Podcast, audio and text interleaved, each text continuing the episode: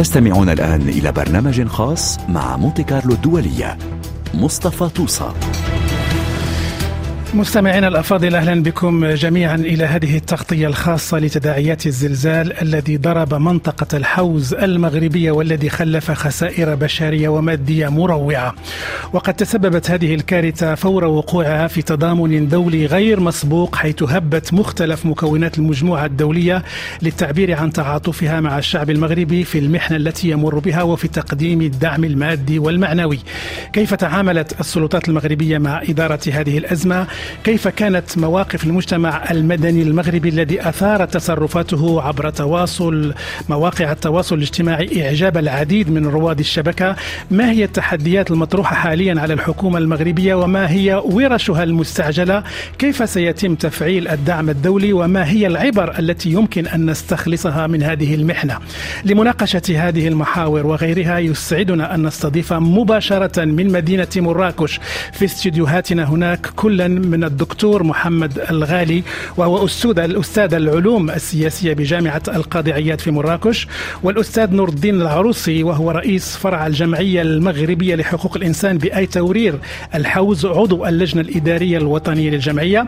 والأستاذ سعد التاوجني وهو خبير ومحاضر في السياسات العمومية للحماية الاجتماعية وللصحة والسيد أوات مصطفى وهو مندوب مؤسسة بارزان الإنسانية في إقليم كردستان العراق المتواجد متواجد حاليا في مراكش كما ستكون معنا متواجدة في الاستوديو موفدة مونتي كارلو الدولية لتغطية هذه الفاجعة الزميلة سميرة والنبي. إذا أهلا بكم ضيوف مونتي كارلو جميعا. أبدأ معك الدكتور محمد الغالي أستاذ العلوم السياسية بجامعة القاضي عياد في مراكش. المغرب يضمد حال حاليا جراحه. هناك سياسات استعجالية قامت بها الحكومة. أنت كمتابع للشأن الوطني والمحلي كيف تقيم ردة فعل الحكومة المغربية تجاه هذه الفاجعة؟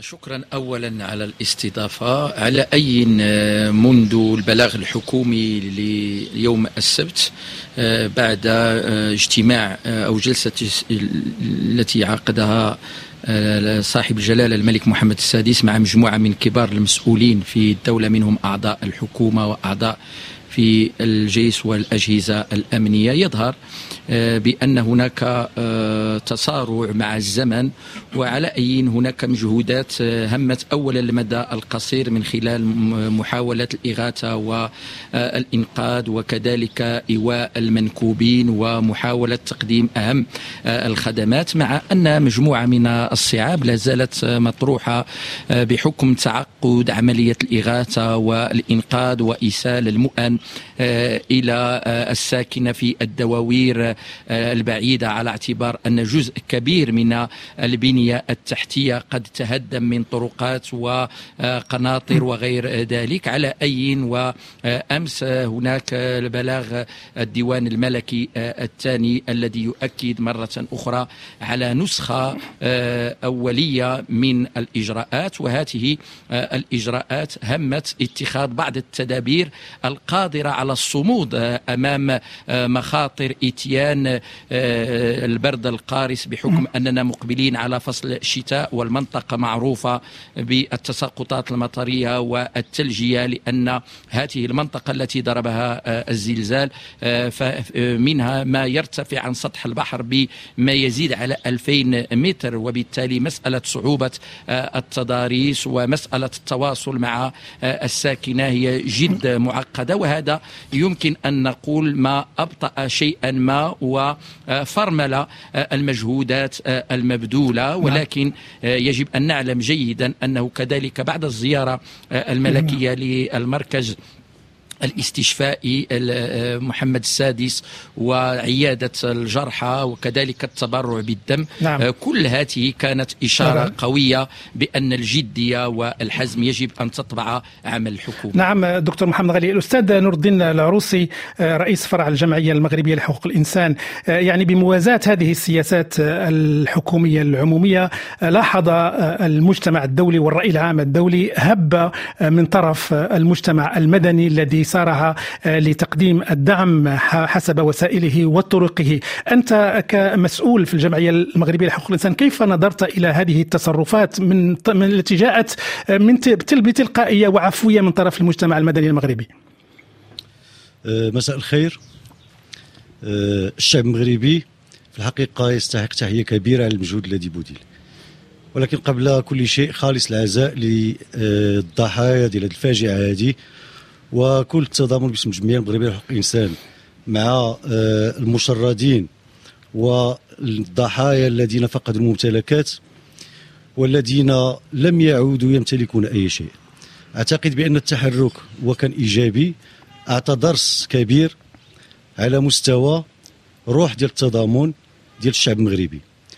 آه، التحرك اولا ما كانش آه، ليس المجتمع المدني باش نحطوا كل حاجة نعطيوها الحق القيمة ديالها ونعطيوها الصدقيه ديالها.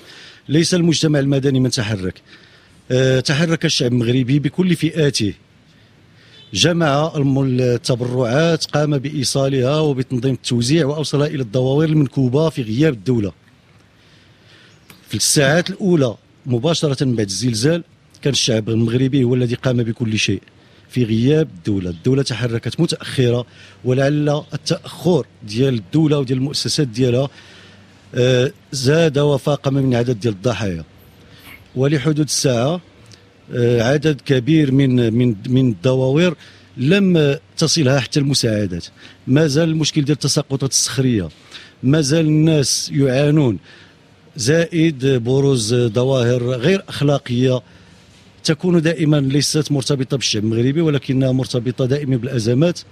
هي ظهور آه، استغلال ديال المساعدات تخزين ديال المساعدات من طرف آه، أشخاص وجمعيات وهيئات و آه، استغلالها من بعد بأشكال أخرى. كذلك العدد كبير وهذا نحذر منه ونستغل المناسبة ديال الحضور ديالنا هنا عدد من آه، من الناس اللي مازال مشردين في الجبال يعانون من المسألة ديال الكلاب الضالة نعم. ظهرت كذلك في المناطق المتضررة عصابات منظمة تبحث في الدواوير وهذه معطيات وثقناها بتواصل مباشر مع المواطنين وباتصالات مع الناس مع رفاقنا اللي كاينين في, منتشرين في الإقليم ديال الحوزه. نعم. أه، ابقى معنا أه، أستاذ نور الدين العروسي. قبل أن أعطي الكلمة للاستاذ سعد الطاوجني خلينا نسمع رأي نسمع لرأي السيد اوات مصطفى وهو مندوب مؤسسة برزاني الإنسانية في إقليم كردستان العراق. أه، يعني أنت تجسد هذا الدعم الدولي الموجود حاليا في مراكش وفي المنطقة. اولا لماذا أنتم متواجدون هنا في في في مراكش وفي ضواحي مراكش وما هي نوعية الدعم الذي تقدمونه للمنكوبين؟ نعم شكرا. بداية نحن نقترب ونشكر بشدة لهذا الفرصة الرائعة لمشاركة هذا البرنامج الخاص وأشكر لضيوفنا الكرام وأشكرك أخ مصطفى. طبعا بداية المؤسسة البارداني الخيرية هو مؤسسة خيرية إنسانية تعمل اسم القائد الأسطوري مصطفى بارزاني والزعيم الكردي وهو لأبوه الفخامة مسعود بارزاني. والجد رئيس وزراء الكردستان العالي الفخامة السيد مسرور بارزاني والجد الرئيس إقليم الكردستان فخامة النيتشيربان بارزاني. كما ضرب الزلزال في المغرب الفخامة مسعود بارزاني أمرت بمؤسسة البارزاني الخيرية حتى التواصل مع ضحايا الزلزال والقيام بكل ما سعنا لمساعدة الإخوة وإخواننا وأخواتنا هنا في المغرب. وأظهرت تماضينا مع المملكة ومواطنها الرئيس الرئيس مسعود بارزاني عريس جدا للإظهار الجانبي الإنساني والشعب الكردي وأن ومن بذلك نتضامن مع بعضنا البعض أوقات الصعبة هو الطريقة الوحيدة التي يمكننا من خلال التقريب بعضنا البعض للتواصل إلى فهم لكل الخلفيات لبعضنا والبعض وقيامتنا. نعم. الرسالة إحنا نعم. يحملنا السيد مصطفى هو الرئيس مسعود بارزاني لجلالة الملك المغرب وشعبه اللي هو الرساله امن والسلام والاخوه. طبعا المؤسسة البارزاني الخيرية منظمة دولية تعمل في عديد من دول الشرق الأوسط والعالم. لقد عملنا في تركيا سوريا السودان واليمن وعديد من البلدان الأخرى ونحن نتشارك مع المنظمات الكبيرة مثل المنظمات الأمريكية إس والمؤسسة Sterling Foundation وعديد من الوكالات المتحدة والأعمال الإنسانية وكثير من المنظمات الأمانية والأوروبية. نعم. إحنا وصلنا لهنا حتى يساعد الإنسان. المساعدات إحنا يعني يريد يوزع للمتضررين. هو المواد ما يسمون وينترايزيشن يعني الشتائية إحنا نشوف المنطقة الجبالية هو متضررين أكثرهم يعني تحتاج بال نعم. المواد الأولية سيد عواد سنعود بتفصيل إلى نعم. اللغط نعم. الدولي الذي تسبب فيه الدعم الدولي للمغرب لكن دعنا الآن نستمع للأستاذ سعد الطوجني وهو خبير ومحاضر في السياسات العمومية للحماية الاجتماعية وللصحة هو عادة يسكن في المغرب لكن الظروف شاءت أنه متواجد حاليا في فرنسا وفي مدينة ليون وهو معنا على الهاتف الأستاذ سعد الطوجني لا شك أن يعني هذه الهزة وهذا الزلزال ضرب أو كان بمثابة تحد كبير للبنيات الصحية المغربية. أنت من خلال متابعتك لما جرى كيف تقيم تعاطي البنية الصحية المغربية مع مثل هذا الحدث يعني العنيف الذي يعني شكل فج... صدمة كبيرة للمغاربة وللعالم. آه، شكرا على الاستضافة ونجد حزين بما يقع للشعب المغربي والشعب الليبي الصديق آه، الشقيق. آه، المشاكل البنية التحتية الطبية في المغرب معروفة وأنا عندي كتابات واستجوابات وفيديوهات اللي دائما كنتقد التفاوتات الميدانية بين الأقاليم البعيدة والمدن على الساحل التي هي مجهزة. ولكن الوقت ليس للانتقاد لأن أنتقد دائما.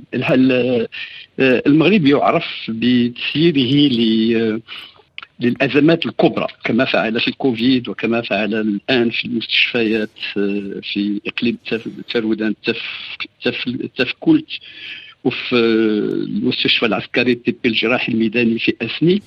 وأنا كنت على اتصال برئيس مجلس رئيس قسم المستعجلات في مراكش.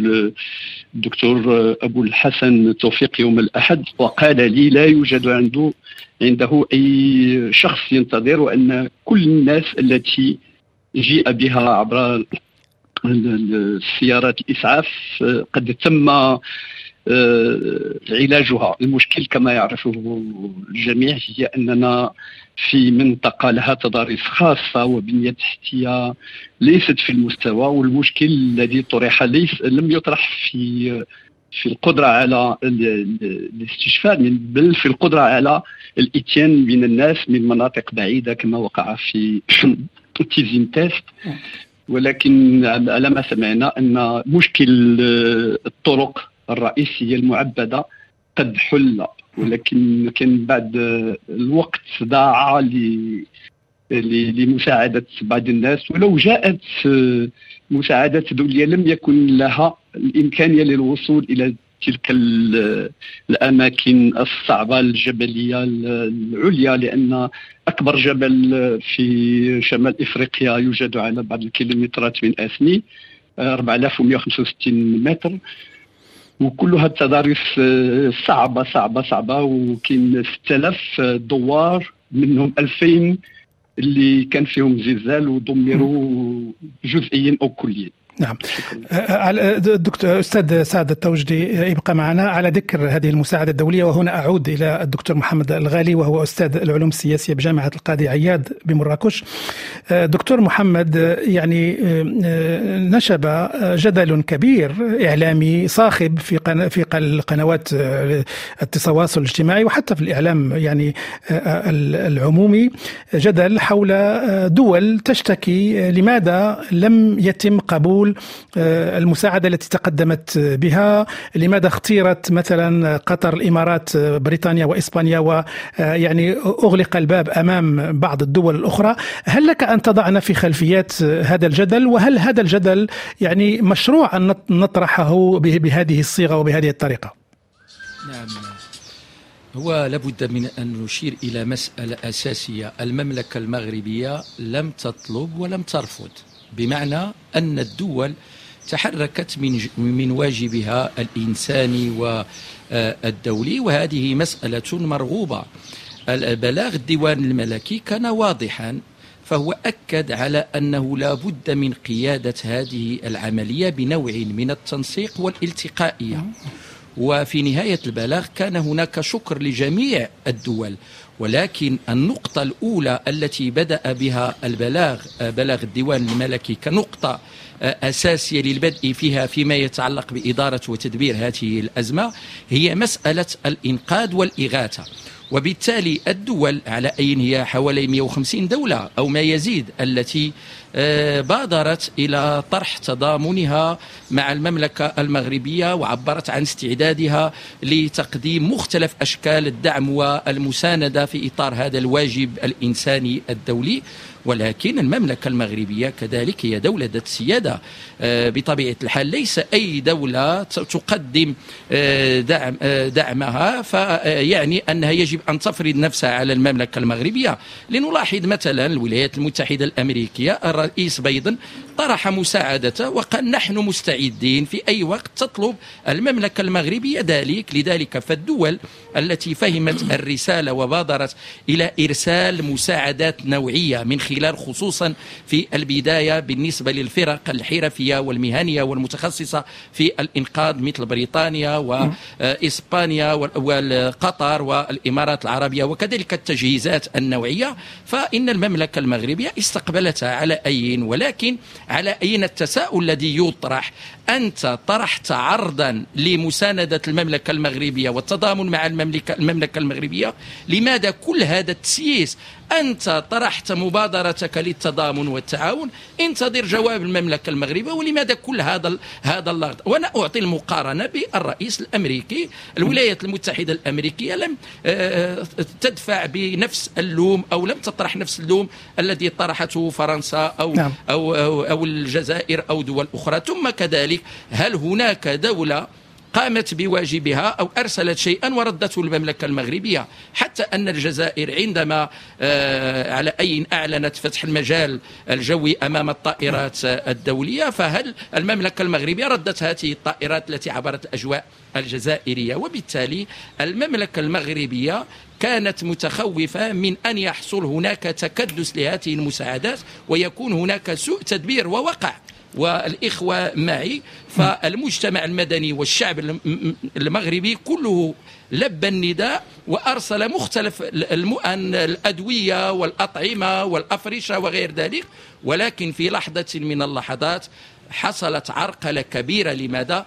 لأن الممرات الطرقية لم تستطع استيعاب كل هذا التدافع للمواطنين والمواطنات على نعم. أي أنا أقول بأنه واهم من يعتقد بأن نعم. المملكة المغربية أوقفت هذا الواجب الدولي الإنساني نعم. بل المسألة نعم. هي مسألة تنصير نعم أه، سأعود أه، بعد قليل إلى الأستاذ نور الدين العروسي لأننا يهمنا أن يكون لنا رأي أيضا أه، من رئيس فرع الجمعية المغربية حول هذا الجدل وهذا اللغط لكن التحقت بنا منذ لحظات الزميلة سميرة والنبي موفدة مونتي كارلو إلى هذه الفاجعة. سميرة والنبي كانت كما يقال في إخواننا المشارقة يعني علقة في في يعني في مراكش ويعني كان هناك صعوبة في الوصول إلى عجقة سير كما يقولوا في, في, في لبنان وفي الشرق. وصلت إلى الاستوديو سميرة هل لك يعني أن تضعين في صورة ما هذه التجربة التي عشتيها ما هي الانطباعات ما هي المشاهد التي عشتيها منذ وصولك إلى مدينة مراكش؟ نعم مصطفى مرحبا مصطفى والضيوف ومستمعي مونتي كارلو الدولية.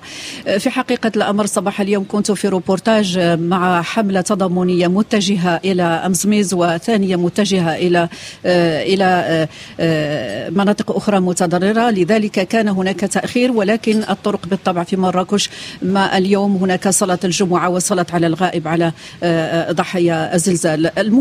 المشهد مأساوي والصور مفجعة من كل هذه المناطق التي زرناها رحنا إلى آه، إلى مولاي إبراهيم إلى امزميز إلى ثلاث يعقوب.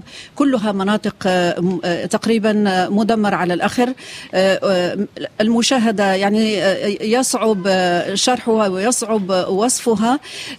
وقفنا عند دمار لبيوت ويعني جدران سقطت هوت على أهاليها. وهناك أهالي فقدوا أسرهم في أمزميز وقفنا عند رجال القوات المسلحة الملكية ورجال الإسعاف ورجال الهلال الأحمر وغيرهم من الفرق الإنقاذ التي كانت تنتشل أسرة كاملة من من تحت من تحت أنقاض أحد البيوت المدمرة. تسمع نحيب وبكاء السيدات والأمهات والأطفال. الأمهات يبكي يبكين في صمت وفي كبرياء على هذه الفاجعة.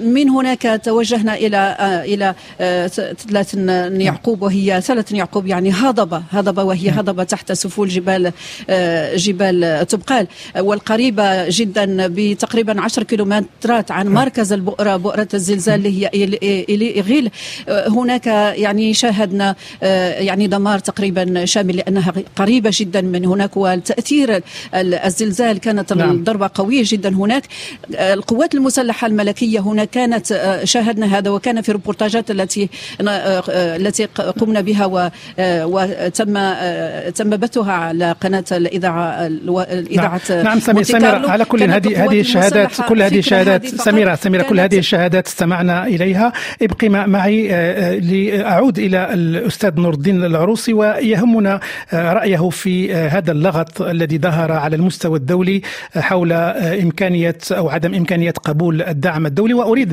آه، فقط آه، أستاذ نور الدين العروسي آه، الجزائر البلد المجاور قدم دعما إلى المغرب وتم رفضه يعني بطريقة لبقة من طرف السلطات المغربية.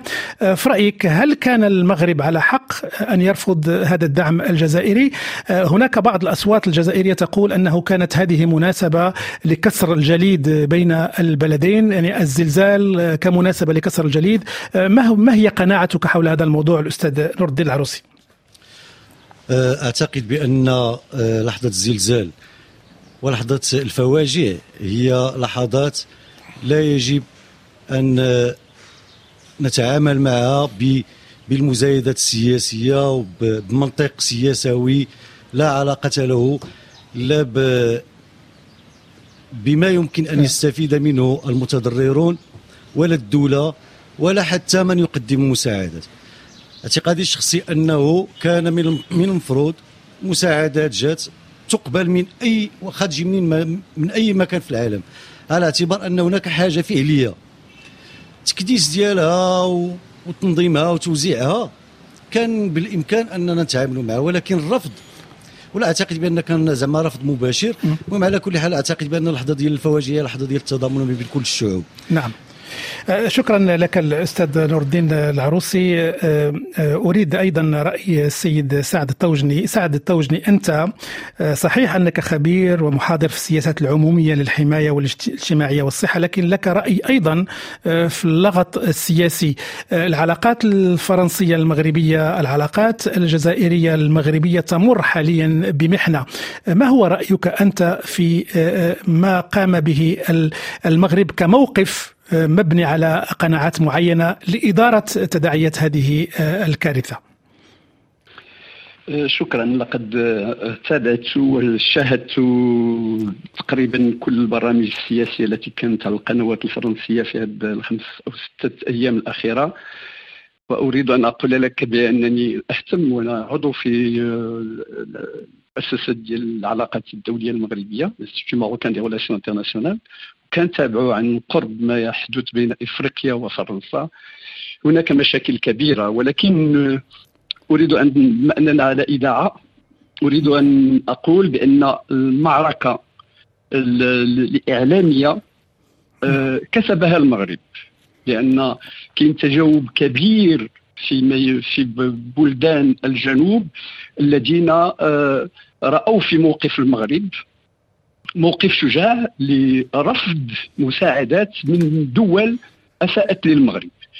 المساعدات كانت يمكن تجي من أمريكا تجي من أي وسيلة ولكن نشوف بلي أن بالاخص أن وسائل الإعلام لم تواكب عمل آه، القوات المسلحة الملكية. هناك أطر عليا عملت في لفتح 450 كيلومتر ديال الطرقات اللي كانت فيها أحجار. ديال خمسة أطنان وأكثر هناك كان عمل جبار والمغرب كان قاد باش استطاع أن يقوم بدوره في هذا ولكن تضاريس صعبة. أي دولة كانت في هذاك التضاريس؟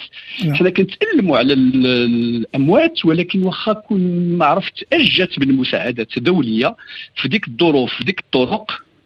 أما أن الخطاب الفرنسي الفرنسي فهو خطاب بقى غير في فرنسا ما نعم. الدول الغربية الأخرى لم يكن لها نفس الموقف ولكن لا يمكن تجاوبوا مع القنوات الفرنسية 100 مليون أو 200 مليون سكان كاين أربعة وخمسة الملايير ديال الناس أن هذه الطريقة ديال الإعلام الفرنسي خصها تغير لأن كيتناقشوا غير مع بعضياتهم واش تكلم واش ما تكلمش واش وكان استغلال سياسي ومشكل ديال مشكل دبلوماسي فرنسا عندها مشاكل كثيرة كاع مع دول إفريقيا جنوب الصحراء والمغرب من حقه أنه يرفض أن يكون استغلال سياسي لهذه المسائل. نعم. أما كاين مجالات أخرى على المستوى الفردي أنا بناتي متزوجات من فرنسيين وأعيش مع ودرست بفرنسا و ليس هناك مشكل بين الأشخاص وبين المجتمع المدني. ما قامت به M6 في tous pour unis pour le Maroc قناه التلفزيون الفرنسية. قناة التلفزيون الفرنسية. شيء جميل. آه. كاين تجاوب في الأشخاص كاين جاتنا مراسلات جاتنا الأشخاص. ما كاين مشكل على مستوى التدبير. وقالها ستروسكان وقالوها مسؤولين فرنسيين وفيلبان. هما عندهم مشكل في المؤسسه ديالهم الرئاسية نعم. اللي ما قدرتش مازال تدبر المشكل المغربي ومازال عندها الرؤيه شوية متقادمه لأن المغاربة تقدموا في الناحية ماشي كيعاونوا غير بلادهم المغاربة أنا كنت في في جنوب الصحراء في, في المالي وفي غينيا والمغرب كيساعد والمغرب متواجد وكيساعد وكيبني نعم. سبيطارات مستشفيات والمغرب كيقوم بعمل كبير ودونك كاين فرنسا ما خصهاش تضيع في العلاقة ديالها مع المغرب. إلا بغات فرنسا تبقى عندها شي علاقة في افريقيا راه خصها ولا بد تستعين بالمغرب. نعم. أه، ابقى معنا أه، أستاذ سعد الطوجني أه، أعود إلى السيد اوات مصطفى. أريد أنت كمندوب لهذه المؤسسة العراقية موجود في مراكش. أريد أن تطلعنا كيف تم التعامل معكم من طرف السلطات المغربية؟ هل سهلت لكم تواجدكم وأنشطتكم؟ يعني حدثني عن يعني علاقتكم بالسلطات المغربية في هذه اللحظة الاستعجالية التي يعيشها المغرب. نعم شكرا اجين آه، اولا يعني قبل خمسة أيام يعني اتصلنا بالسفارة المملكة المغربية بالبغداد يعني أعرف ما عندهم السفير عموما لقائم الأعمال وطلبنا منهم حتى التيم المؤسسه البارزاني الخيريه من العراق من الكردستان يوصل المغرب بعد ما ما أخذنا جواب من القائم الأعمال يقول هو الدولة يقول هو ينتظر لتعليمات الدولة بعد ما صار. طبعا أنا جاي من البريطاني يعني مندوب المؤسسة للمسؤول العلاقات الأوروبا والأمريكا. وبعد يعني بارع يعني وصلت لهنا وقد كان عند يعني تعديد من الاجتماعات. أولا آه، وصلت المكتب نعم. الوالي. وعندنا اجتماع ويا رئيس المجلس للمكتب. السيد الوالي وعندي يعني كثير من العلاقات والاجتماعات ويا الأهل هذه المنطقة الريفية هم المتضررين من هذا الضراب بالحقيقة أني أعتقد يعني الضيافه والكرام يعني محترمين وال يعني ما شفت اي مشكلة وأي يعني أي أي مشكله بالبلد ووصلت لهنا والم...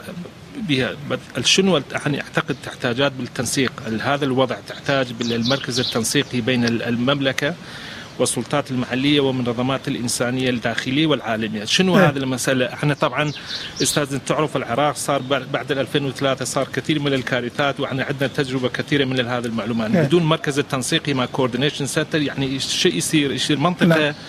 متضررين ياخذ يمكن ياخذون أكثر من المساعدات الإنسانية الداخلية والخارجية وأكو منطقة يمكن هو ما يستفيدون بهذا الوضع. أهم شيء يعني تحتاج بالتنسيق أنا تكلمت ويا الكثير من نعم. المنظمات الأمريكية أوروبية عن نشتغل وعندنا نعم. المشاركة بالعراق أن نتصل بهم حتى يجون المملكة المغربية. هو يقولون إحنا نجي بد ما أعرف منو يتكلم معه يعني. المحل الأشخاص نعم. موجودين بس هم يمكن هم شخص من ال من المش مو مجتمع المدني ومن الدولة نعم أنا أنا كنت يعني يهمنا أن هذا هذا هذه الشهادة لمؤسستكم لمعرفة كيف تم التعامل آه، مع الفرق الأجنبية التي جاءت نعم. لتنقذ وتساعد آه، المغاربة في هذه النكبة أعود إليك الدكتور محمد الغالي الآن الآن ونحن نباشر حقبة وصفحة جديدة آه، يعني الكل يتساءل يعني بعد بعد عملية البحث عن المفقودين بعد تقديم المساعدات الاستعجالية الأولية ما هي في رأيك أهم الورش الورش التي تنتظر الحكومة المغربية لمحاولة تجاوز هذه المحنة؟ شكرا فقط. أنا أريد أن أقول كلمة. هل من يريد أن يؤدي واجب العزاء يحتاج إلى إذن من الأسرة المكلومة؟ في تقاليدنا الذي يريد أن يؤدي واجب العزاء لا يحتاج إلى إذن الجزائر. دولة مسلمة عربية إن أرادت أن تؤدي واجب العزاء كان عليها أن تؤدي هذا الواجب بطرق عديدة. على أي وإنما عندما تدخل السياسة نعم. يصبح الأمر شيء آخر أنا أقول بأن البلاغ الرسمي للديوان الملكي أمس حدد آه، نسخة أولية للتدخل أولا لا بد من الإيواء والتكفل بالمكلومين وهناك آه، الإحصاء يقول بحوالي خمسين ألف آه، بيت إما هدم كليا أو جزئيا وبالتالي تم تخصيص حوالي 30 ألف, 30 ألف درهم لكل أسرة معنية بهذا الزلزال و140 ألف درهم لكل بيت هدم و80 ألف درهم لكل آه، بيت هدم آه، جزئيا بالإضافة إلى مسألة أساسية وهي أن العديد من الأطفال فقدوا آه، الآباء وفقدوا الأجداد وبالتالي فأطلق عليهم صاحب الجلالة الملك محمد السادس اسم مكفولي الأمة وأعطى توجيهاته إلى الحكومة من أجل مأسسة هذه العملية من خلال مشروع قانون لا بد من الإسراع بإعداده وعرضه بعد ذلك دكتور, على دكتور محمد غريب في هذا نعم. في هذا الإطار فقط آه، للاستفسار هل المغرب قادر على تلبية هذه الحاجيات لوحده أم هو في حاجة بطريقة حتمية آه، للدعم الدولي؟ وهنا حديث بأن حتى الأمم المتحدة يعني آه، في هناك إمكانية أن تقدم دعم للمغرب.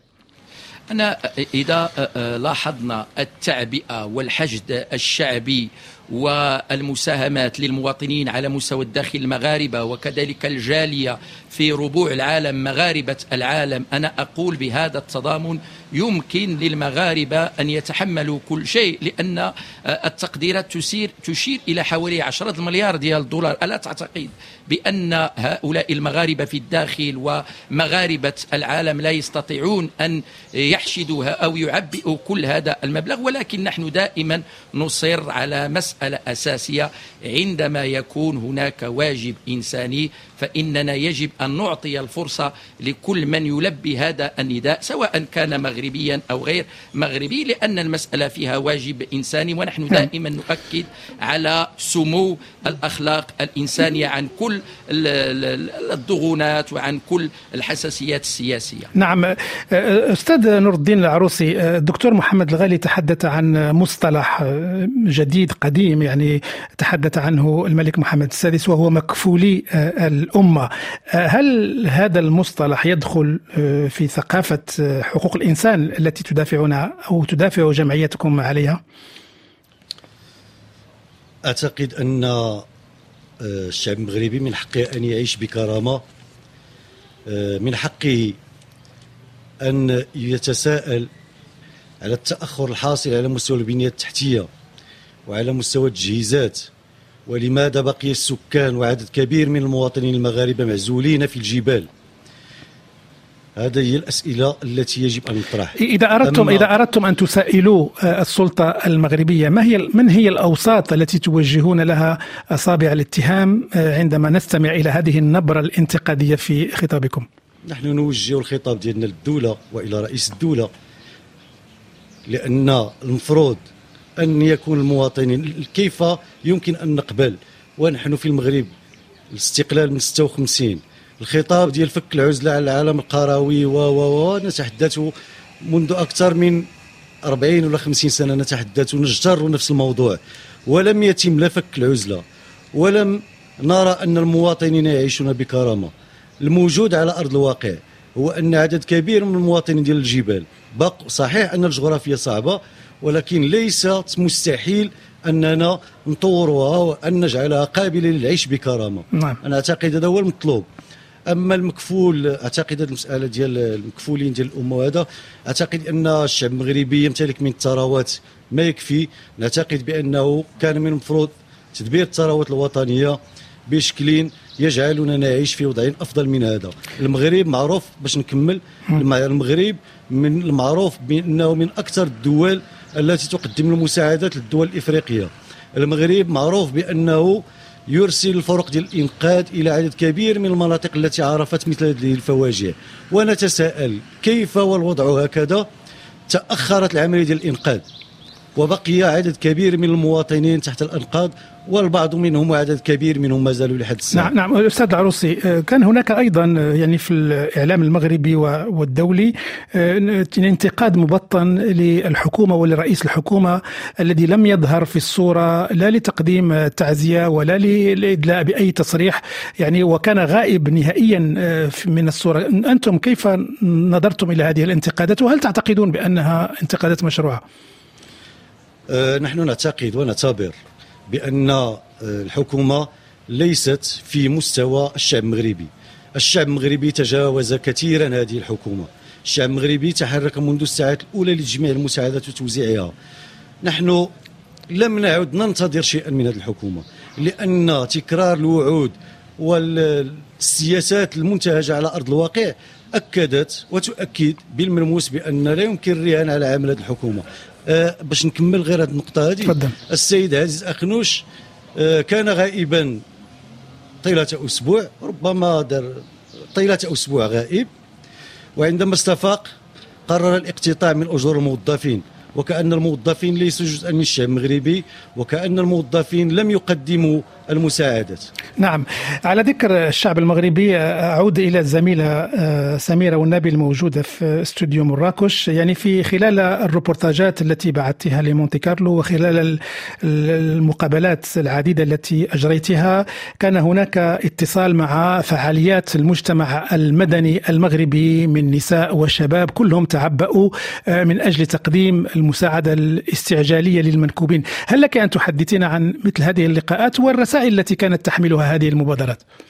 بالطبع مصطفى يعني منذ الإعلان عن بداية فتح الطريق الممتدة من مراكش إلى منطقة أمزميز مثلا كانت كان طاقم مونتي كارلو الدولية هو السباق إلى تلك المنطقة. ونحن في الطريق كانت هناك لاحظنا تقاطر ال ال ال تقاطر الشاحنات المحملة بالمساعدات الإنسانية. هي مبادرات فردية وكذلك مبادرات من قبل المجتمع المدني من قبل جمعيات ومنظمات. كما قلت لك سابقا كنت صباح اليوم في ريبورتاج عن منطقة هنا في مراكش آه، مراكش جيليز الشطر ثلاثة.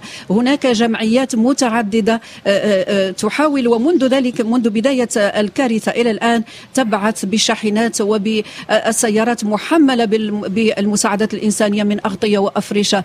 كذلك هناك نقطة النقطة الأولى التي تبعد عن مراكش بتقريبا 8 كيلومترات شريفية هذه المنطقة هذه هي نقطة لانطلاق الحملات التبرعية الحملات التضامنية.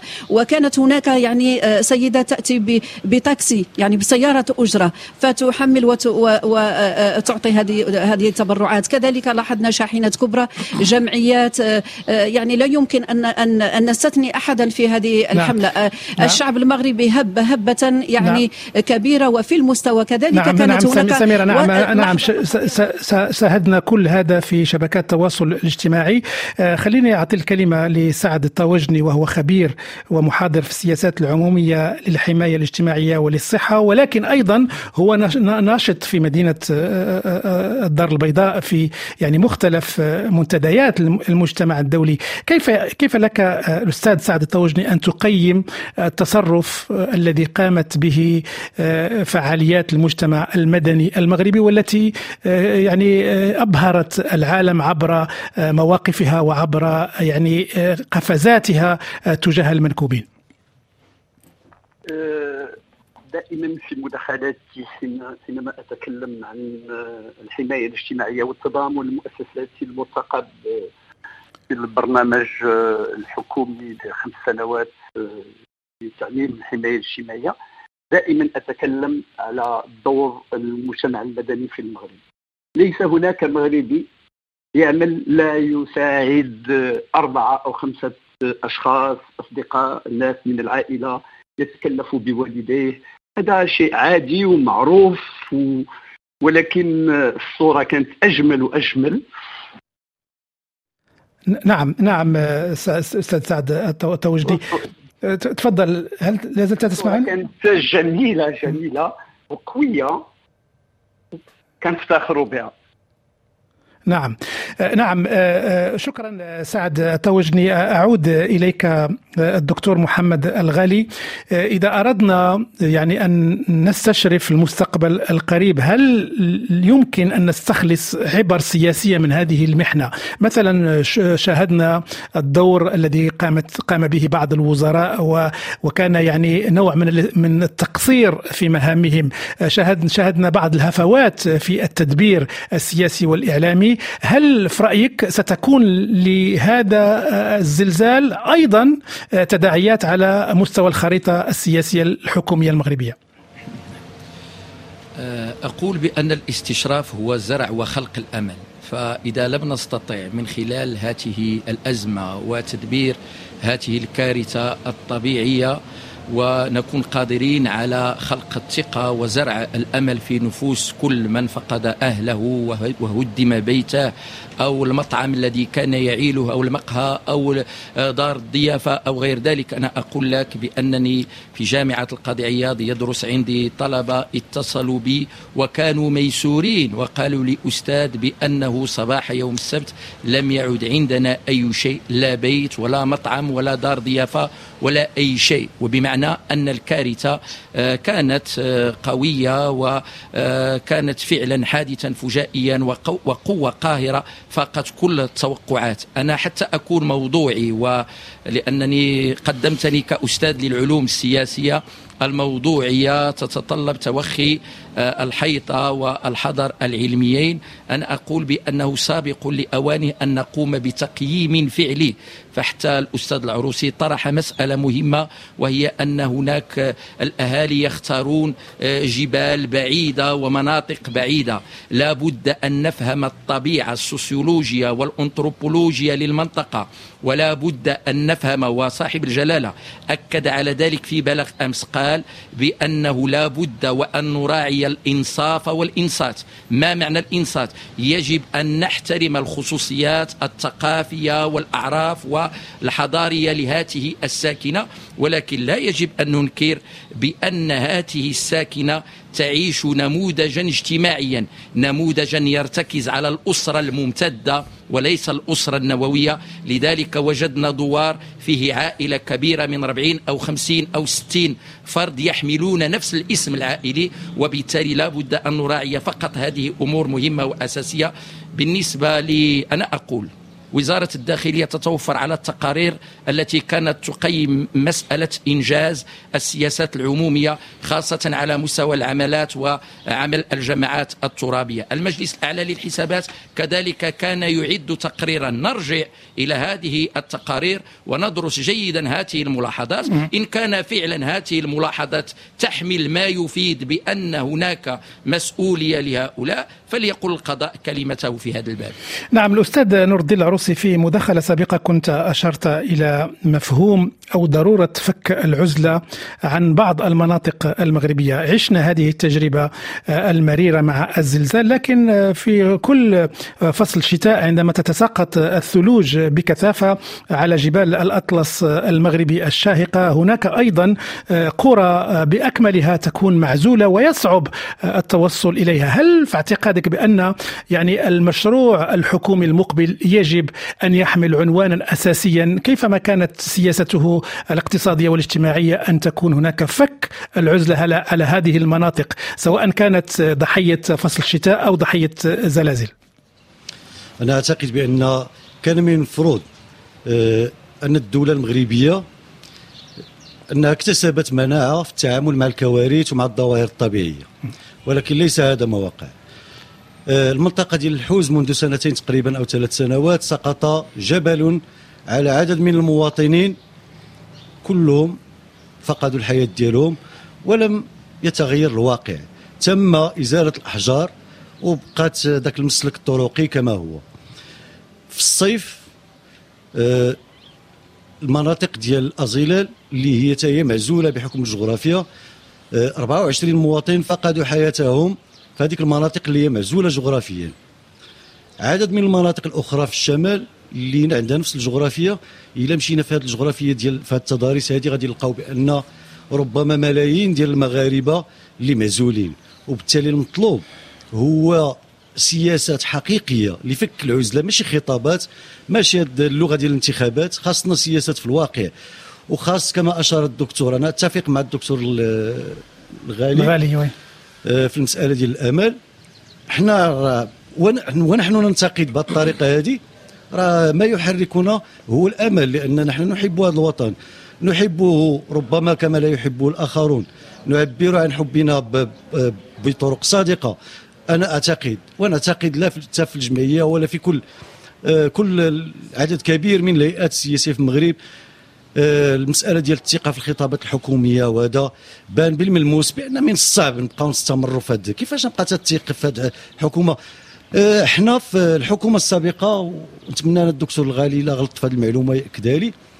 في الحكومة السابقة في العهد ديال الحكومة ديال سعد سعد الدين العثماني تم إحداث واحد صندوق الكوارث.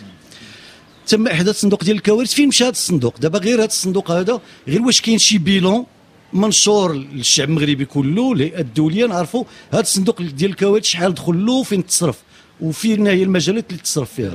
يعني مساءلة لابد من مساءلة 2020 2030 نعم نعم. وكاين وكاينة مسألة أخرى نعم. أن زادت 200 درهم في التأمين ديال السيارات. كل المغاربة اللي عندهم سيارة تيديو 200 درهم ديال الكوارث. وهذا الشيء كله وكيفاش زعما حنا غنبقى تنتيقوا هذا وبعد نتحاسبوا على هذا الشيء كيفاش هذا الصندوق ديال الكوارث لم يؤهل ولو منطقة واحدة. وأنا فاش تنهضروا على التاهيل راه ما تنهضروش على ذاك الشيء ديال البيست. راه حنا تنقولوا بأن المغاربة اللي كاينين في الجبال من حقهم أنهم يعيشوا بكرامة كما الذي يعيش في الرباط وفي الدار البيضاء وفي طنجة. نعم نعم أستاذ نور الدين العروسي. قبل أن أعطي الكلمة للزميلة آه، سميرة والنبي خليني آه، آخذ رأي الأستاذ سعد الطوجني آه، حول مفهوم وإشكالية فك العزلة. هل هذا يعني تحدي ممكن أن يربحه المغرب في السنوات المقبلة أم هو يعني جبل لا يمكن يعني تجاوزه؟ شكرا أخي. هذا المشكل التجاوزات المجالية والمغرب يتكلم عن الجهوية المتقدمة هو مشكل حقيقي. يعني عندنا مناطق شاسعة كمنطقة زرعة كفيلات أو المغرب الشرقي أنا دائما في مداخلاتي كنت كنتكلم على الموجودات الصيدلية ما بين إيجوكاك وويرغان.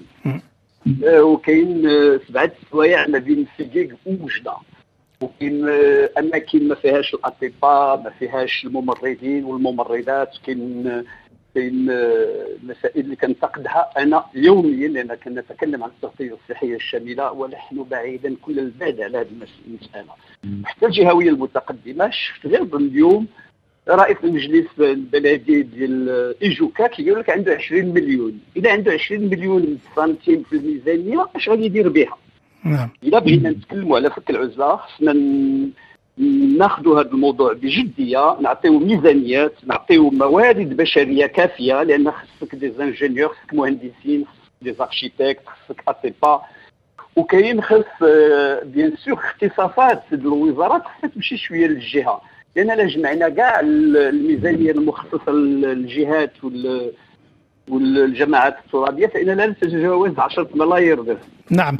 وبغيت نرجع غير على واحد النقطة فضل. ان أن لفك العزلة المغرب دائما آه ميزانية الاستثمار العمومي السنة الماضية 2023 بلغت إلى 300 مليار درهم. وهذه السنة نتكلم 2024 على 550 مليار درهم. يعني وهذه السنة الرقم فيه مساهمة القطاع الخاص ولكن سوف تكون نسبيا. نعم. يعني الموارد المالية متواجدة ولكن بعض المرات كتجي في استثمارات عمومية بعض التجهيزات وما كاينش واحد المساواة باش نفكوا العزلة. اللي المغرب عنده الإمكانيات البشرية واللوجستيكية والمالية خص يكون قرار سياسي باش تكون مساواة ما بين المواطنين ديال جميع الاقاليم والمدن والقرى. هذا نعم. نكرره دائما. نعم. شكرا شكرا لك سعد. الطوجني أه، أه، أعود إلى أه، سميرة والنبي من بين المبادرات التي قام بها المجتمع المدني لنجدة المنكوبين. كانت هناك مبادرة مميزة وهي القافلة التي أتت من مدينة العيون المغربية إلى مدينة مراكش. وأنت سميرة يعني واكبت واستقبلت هذه القافلة. هل لك أن تعطينا باختصار يعني فكرة عنها؟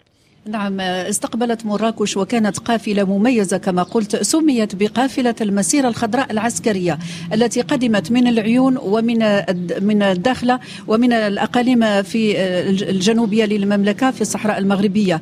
قدموا إلى مراكش وقطعوا تلك المسالك والطرق إلى إلى مساعدة ونجدة آه، آه، إخوانهم في هنا في مراكش. وكانت بالفعل كان استقبال يعني هائل آه، من قبل الأهالي من قبل سكان مراكش من قبل المنكوبين هنا في مراكش طبعا. الذين يسكنون في الخيام. كذلك ننوه بعمل التقنيين هناك في في إذاعة مونتي كارلو الذين واكبوا معنا وكانوا معنا مباشرة في كل تلك المناطق المنكوبة نعم إلى جانب ضحايا وأسر الضحايا. سأنوه بالتقنيين في ختام هذه الفترة الإخبارية لكن نحن على بعد عشر دقائق منها. أعود إليك الدكتور محمد الغالي لأطرح عليك هذا السؤال.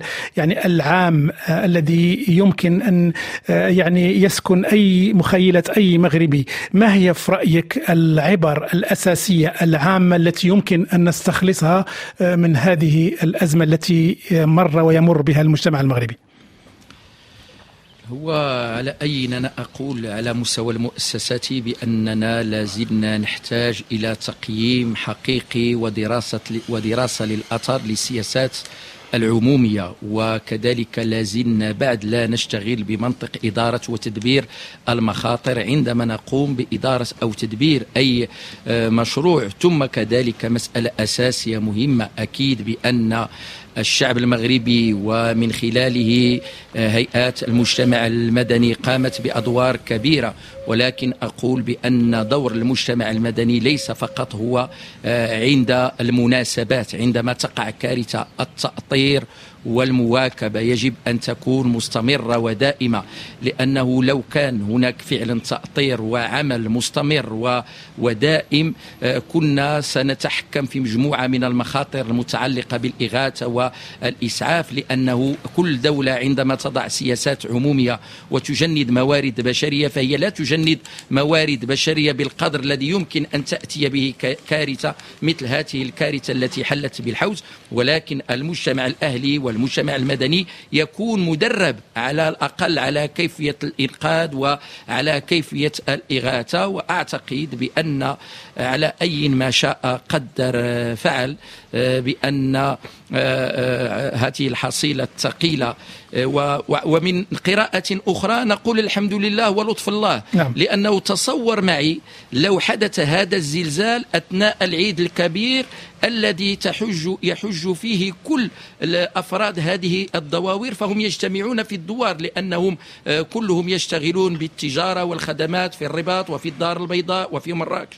وفي أكادير وفي مدن أخرى. وبالتالي نحن دائما نقول أن تغليب الطاقة الإيجابية وزرع نعم. الأمل يمكن أن يساعد على إدارة وتدبير مختلف الأزمات التي تتميز بالفجائية والقوة القاهرة. نعم الأستاذ نور الدين العروسي رئيس فرع الجمعية المغربية لحقوق الإنسان بآية أورير الحوز عضو اللجنة الإدارية الوطنية للجمعية. أريد أيضا أن أطرح عليك نفس السؤال. أنت كفاعل جمعوي حقوقي في المنطقة ما هي العبر التي استخلصتها شخصيا من مثل هذه الأزمة؟ العبرة الأولى هي أن الشعب المغربي آه، شعب آه، آه، متضامن شعب يتحرك بسرعة لا ينتظر القرار من أي جهة. الشعب المغربي أبان بأنه يمتلك من القدرات ومن الإمكانيات ديال التنظيم ما يكفي. ثم العبرة الثانية والتي يجب الوقوف عليها هو المسألة ديال غير القانون في المغرب. إلا طبق غير القانون راه غادي نكونوا كلنا بخير. حنا عندنا واحد المبدأ تيقول لك ربط المسؤولية بالمحاسبة. إلا ربطنا غير المسؤولية بالمحاسبة أكيد أن ما غاديش يكون عندنا مشاكل. أما إلا بقينا مستمرين في هذا الواقع هذا التقارير اللي رفعها المجلس الأعلى للحسابات تمس الوطن كامل. نعم. ما شفناش بأن كانت متابعات بحجم الاختلالات اللي ذكرت تما إذا اذا انتقلنا لربط المسؤولية بالمحاسبه نعم. أكيد أننا آه على الأقل سنتمكن من تخفيض الكوا... من تخفيض الآثار ديال هذه الكوارث هذه نعم أعود إليك دكتور محمد الغالي. الكلمة الأخيرة لك يعني أنت يعني تابعت يعني الاهتمام الدولي بالمغرب بالشعب المغربي الهبة الدولية لمساندة هذا البلد. يعني كيف تقرأ هذا التضامن الدولي مع المغرب في هذه الظروف العسيرة؟ هو كان تضامن من دون من دون حدود وهذا التضامن أعطى شحنة نفسية كبيرة يجب أن نشير إلى هذا لأن بعض الأمور قد نستطيع إعمالها والوصول إليها بالمساهمات المادية. ولكن أنا أقول لك بعض الأحيان الدعم النفسي من خلال على الأقل إعلان هذا التضامن والوقوف إلى جانب الشعب المغربي من طرف مختلف الأقطار والدول والهيئات و المنظمات ولكن أنا أؤكد على مسألة أساسية وهي أن الإيرادات الحية والصادقة يجب أن تتحرك لتلزم المنظمات الحكومية بالوفاء بالتزاماتها من خلال مختلف القرارات التي تتخذها خلال مختلف المحافل الدولية. أنا أقول وهذه مسألة يجب أن أشير إليها بأن مجموعة من المهتمين والباحثين في المجال الجيوفيزياء أكدوا بأن هذا الزلزال كان مفاجئ. والتساؤل الذي يطرح لماذا الخلاصة إلى أن هذا الزلزال مفاجئ؟ أنا أقول لا بد من فعل شيء من أجل مجابهة مخاطر التغيرات المناخية لأنها الزلازل الفيضانات الحرائق وغير ذلك. والإنسانية باتت مهددة بشكل كبير. هذه هي الرسالة الأساسية. يجب أن سنة كل أنا أؤكد على هذه المسألة يجب أن سنة كل القرارات وكل السياسات حتى تكون من الإنسان وإلى الإنسان. شكرا لك الدكتور محمد الغالي أستاذ العلوم السياسية بجامعة القاضي عياد بمراكش. شكرا أيضا الشكر موصول للأستاذ نور الدين العروسي وهو رئيس فرع الجمعية المغربية لحقوق الإنسان بأيت أورير الحوز عضو اللجنة الإدارية الوطنية للجمعية. الشكر أيضا موصول للأستاذ سعد الطوجني وهو خبير ومحاضر في السياسات العمومية للحماية الاجتماعية وللصحة. كان يتحدث معنا عبر الهاتف من مدينة ليون الفرنسية. والشكر أيضا موصول للسيد أوات مصطفى وهو مندوب مؤسسة بارزاني الإنسانية من إقليم كردستان العراق المتواجد حاليا في خطوة تضامنية مع المنكوبين في مراكش. أيضا الشكر موصول للزميلة سميرة والنبي وهي موفدة مونتي كارلو لتغطية هذه الفاجعة. الزميلة سميرة والنبي من مراكش.